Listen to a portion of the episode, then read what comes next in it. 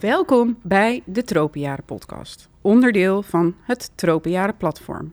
Het Tropenjaren platform is in het leven geroepen door vier duurzame merken. Billy Wonder, Red Orca, Tiny Library en Vinimini. Graag nemen we jullie nieuwe ouders wegwijs willen we jullie nieuwe ouders wegwijs maken in een wereld vol informatie, schema's, adviezen en spullen. Er komen zoveel keuzes op je pad als ouders. Welke zijn dat en hoe maak je die keuzes zo bewust en zo duurzaam mogelijk? Mijn naam is Steve Fleur. Ik ben de oprichter van Billy Wonder en vandaag zitten we op de 9 maandenbeurs met Hanneke Peters. Welkom. Hallo, dankjewel. En uh, om maar gelijk met de deur in huis te vallen, je hebt ja gezegd om uh, op onze gloednieuwe Tropenjaren podcast uh, te komen praten.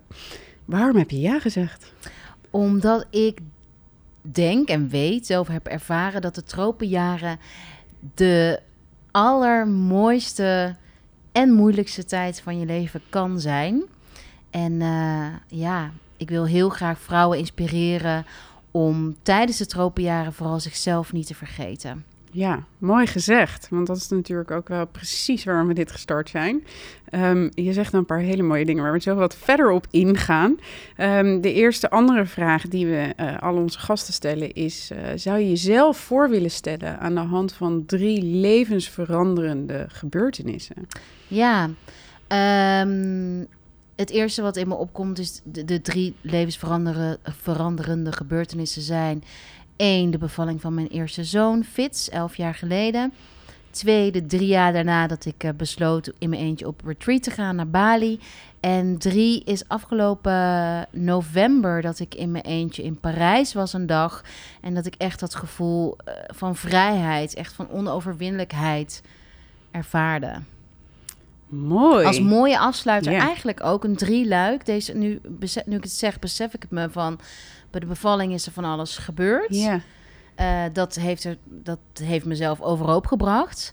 Waardoor ik naar Bali ging. En in Parijs kwam eigenlijk alles weer samen. En voelde ik die immense vrijheid van... wow, dit leven wat ik nu heb. Geweldig. Je straalt er helemaal van. Dat kunnen mensen nu natuurlijk niet horen, maar ik kan het wel zien. Dus ik benoem het eventjes. Laten we dan teruggaan naar die eerste uh, levensveranderende gebeurtenis. De geboorte Ja. van je zoon. Ja, ja die was voor mij uh, alles behalve perfect. Alles behalve van wat ik ervan gedacht had. En um, ik was een enorme, enorm streng voor mezelf als, als beginnende moeder. Uh, de bevalling was traumatisch. Eigenlijk alles wat je niet wilt, was er gebeurd. Ja. Uh, en ja, wat, wat voor een ontzettend intern conflict in mij zorgde. Omdat ik vond dat ik niet moeder genoeg was voor Fits. En echt tekort deed. En ik was zo op een gegeven moment in de, in de struggle met mezelf dat het, dat het ja, dat duurde wel drie jaar dat het niet meer ging en ik naar, besloot naar Bali te gaan. Wauw, dat is een lange weg, drie jaar. Ja. En uh, was dat het dieptepunt ook voor jou als ouder? Uh, ja, ik denk wel een tijdje daarvoor. Uh, in de aanloop naar Bali toe, weet je, het eerste jaar, eerste twee jaar heb je denk ik niet zo door. Weet je wel van, oh, mijn zoon slaapt niet, ik ben onrustig, er, er is wel wat. Je kan het niet genoeg niet echt plaatsen. En op een gegeven moment, ik, ik weet nog wel, het was januari, februari en we waren net verhuisd. En toen kwam er op een gegeven moment dat ik moest huilen over de beslissing. Of dat mijn vriend zei, ja, of, uh, we gaan dit doen. We gaan met deze mensen afspreken. En dat ik het gewoon, ik kon dat niet meer processen. De, de plotselinge verandering van, we gaan nu even gezellig met andere mensen iets doen. Oh, wow. Dat was wel het moment waarvan ik dacht van, Hé, waarom barst ik, waarom raak ik in paniek van een sociale afspraak? En vanaf de, toen moest ik alleen nog maar bijna huilen. En als mijn schoonmoeder iets zei, of als ik met vrienden aan het eten was, ik vond mezelf zo zielig. Och, nou, maar dat mag ook. En dat klinkt ook wel als een, als een heftige periode en een Ja. heftige tijd.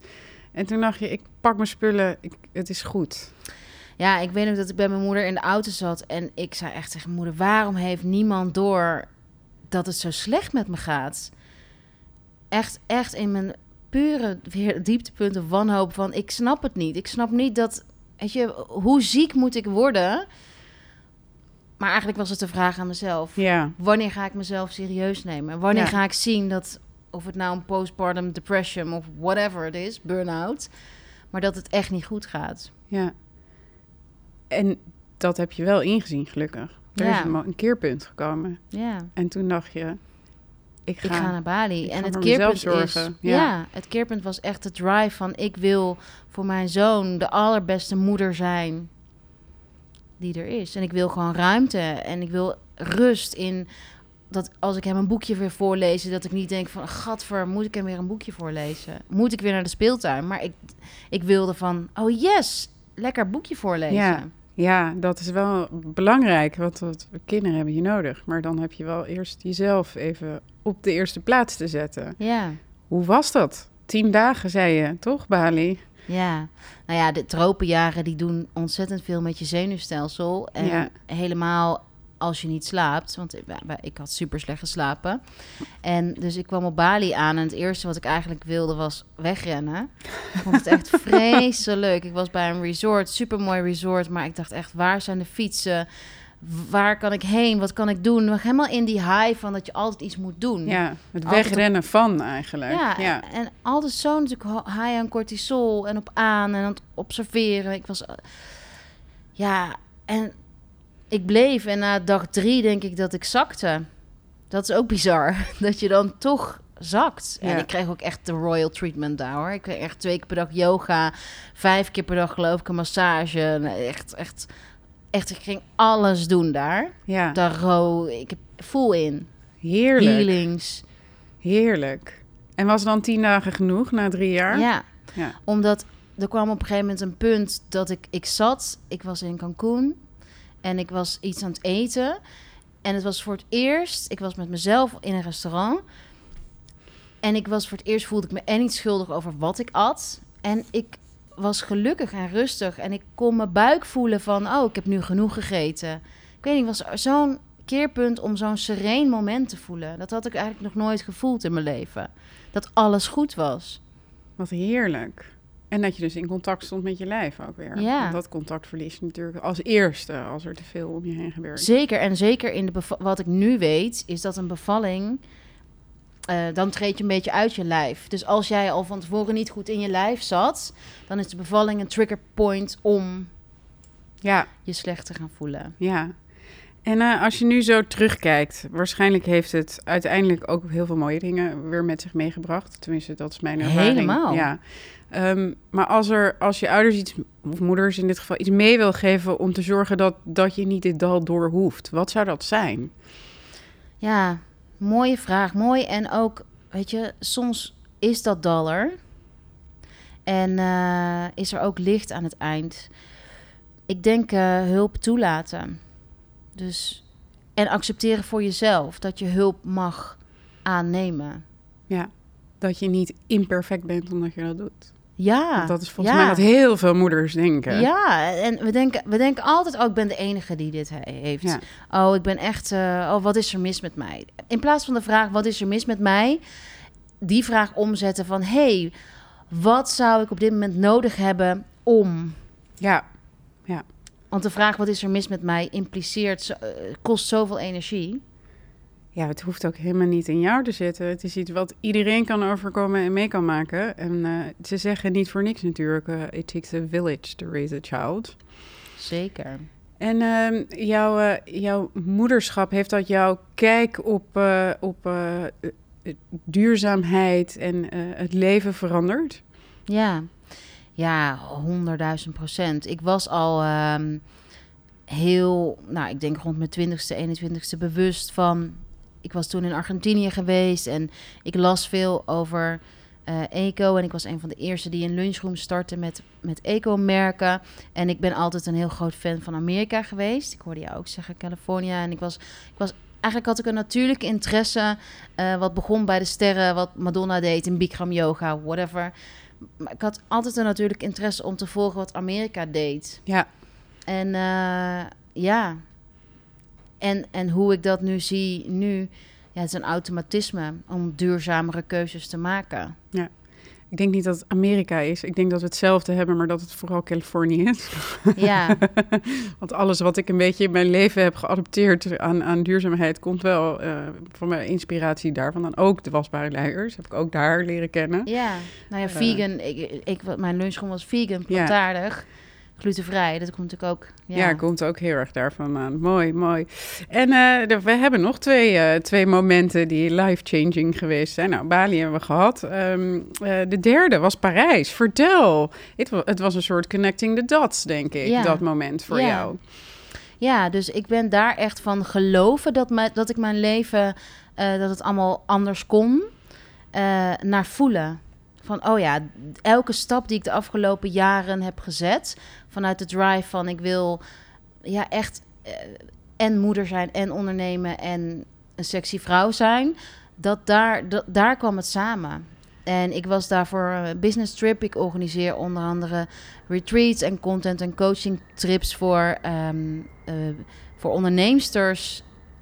En ehm, Er gaat hier een, een, een, eh, een airco echt volle bak aan in. oh, ik dacht een erken of een vliegtuig. We gaan dit er even uitknippen, want het is... eh, ik hoor het door de oordoppen ook namelijk. Sorry mensen op Instagram. we gaan zo door, maar er komt een vliegtuig over. Een hele grote. Net als we het over duurzaamheid hebben. Wat een toeval. Nee. Ja, sorry.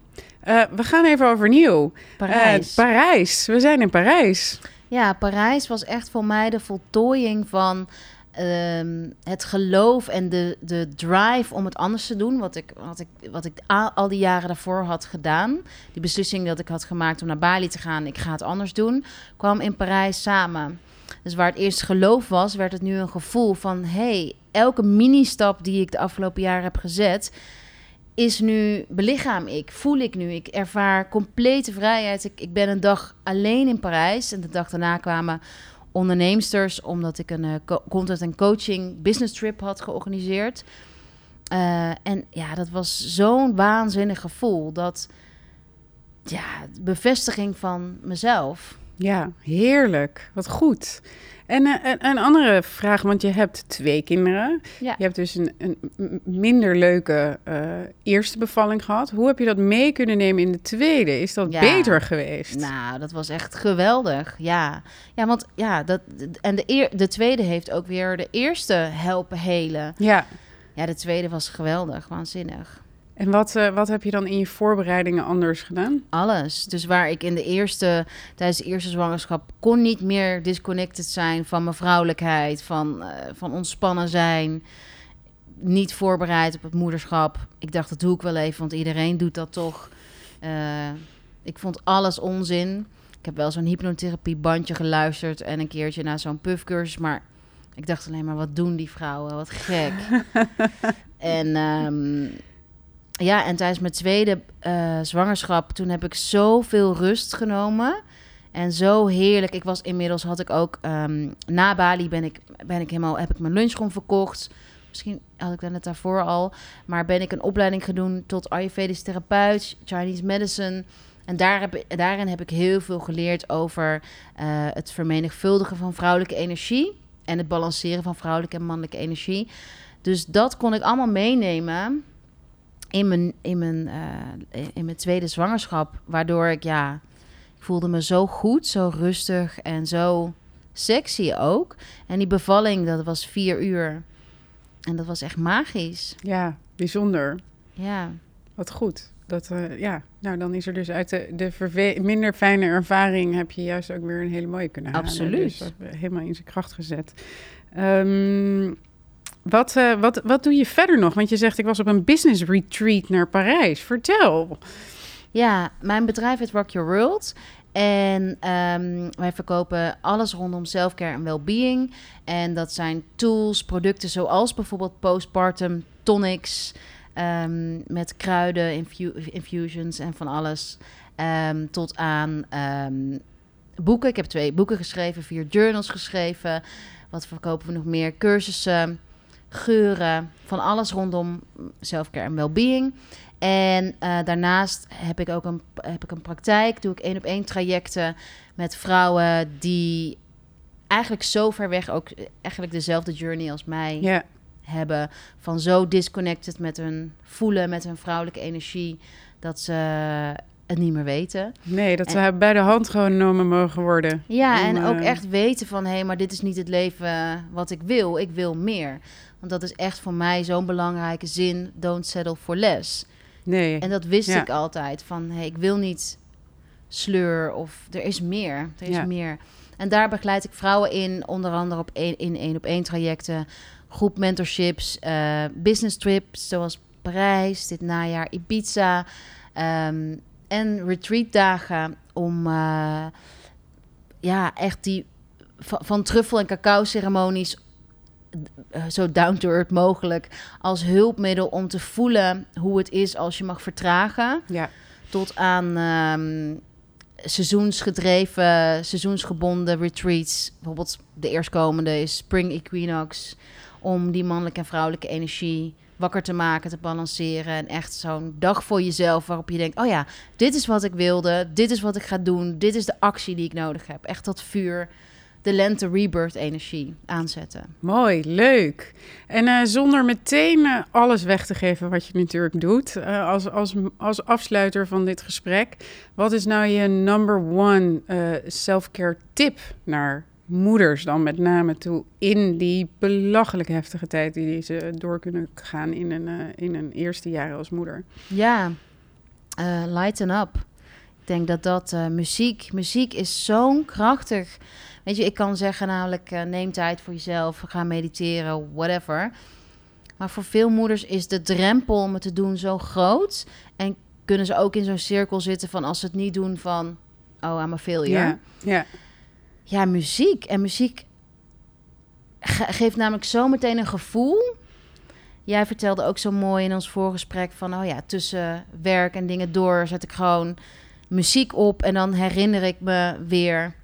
Ja, dan, ben ik, dan zit ik tussen mijn werk en, eh, en, eh, en de opvang, waar echt maar vijf minuten tussen zit. Dus mijn, mijn commute 's ochtends is heel kort. Het is eh, zeven minuten van mijn huis naar de opvang en dan is het vijf minuten van, mijn, van de opvang naar, naar kantoor. Dus er is weinig momentjes dat je even uitzoomt. En dan zet ik gewoon heel hard muziek op. En dan sta ik even in mijn hoofd op een festival. En dan daarna gaan we weer door naar het volgende. Maar de grap is, ik kan nu zeggen van... eh, ik had kunnen het bewoorden van... eh, ja, even in je hart zakken of even voelen.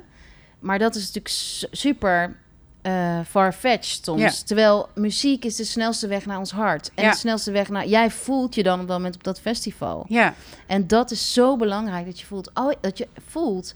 Ja, muziek zet gewoon meteen je hart aan. Ja, het is wel, het is zeker waar. Het is ook gewoon even schakelen. Soms moet je je gewoon even eh, op een bepaalde manier voelen. En daar kan muziek enorm aan bijdragen. En die kan je ook uit zo'n gevoel halen. Soms voel ik me gewoon een beetje sip. En dan denk ik, nou, dan is het ook gewoon tijd voor een sip muziekje. En dan, dan ben ik even sip. En dat is oké. Ja. En soms ben ik sip en dan denk ik echt, hou op. En dan moet er gewoon een, een uptempo muziekje tegenaan. Dus ik kan me hier helemaal, helemaal in vinden. ja, ik heb vanochtend eh LL Cool J geluisterd. Heerlijk op de fiets. En dan... Oh, wat heerlijk. Ja, Ja. Flow. Weet je, van energie die vast kan zitten van alles wat je moet. Werk, alle bes- belangrijke beslissingen die je op een dag moet nemen. Naar gewoon van, oh ja, even licht. even zo. Ik ben nu aan het bewegen, maar... Ja, nou ja, ik zit dan ongeveer alweer op mijn fiets. Want dat is voor mij het moment om dat te doen. En even rustig koffie drinken in de ochtend. Dat is ook een hele belangrijke voor mij. Ja. Ik wil je heel hartelijk bedanken voor dit openhartige gesprek. Ik vond het heel mooi om te horen om, wat voor reis je hebt doorgemaakt. Wat je daarvan geleerd hebt. En ik denk dat er heel veel vrouwen ook heel veel van kunnen leren. Dank je wel daarvoor. Heel veel plezier op de volgende retreats. Want het klinkt echt fantastisch. Ik ga ook eens even lezen wat het allemaal inhoudt. En eh, voor de luisteraars, jullie heel veel dank voor het luisteren. Ehm, er komen nog veel meer leuke, interessante podcasts eh, aan. Dus hou onze Instagram en Spotify in de gaten.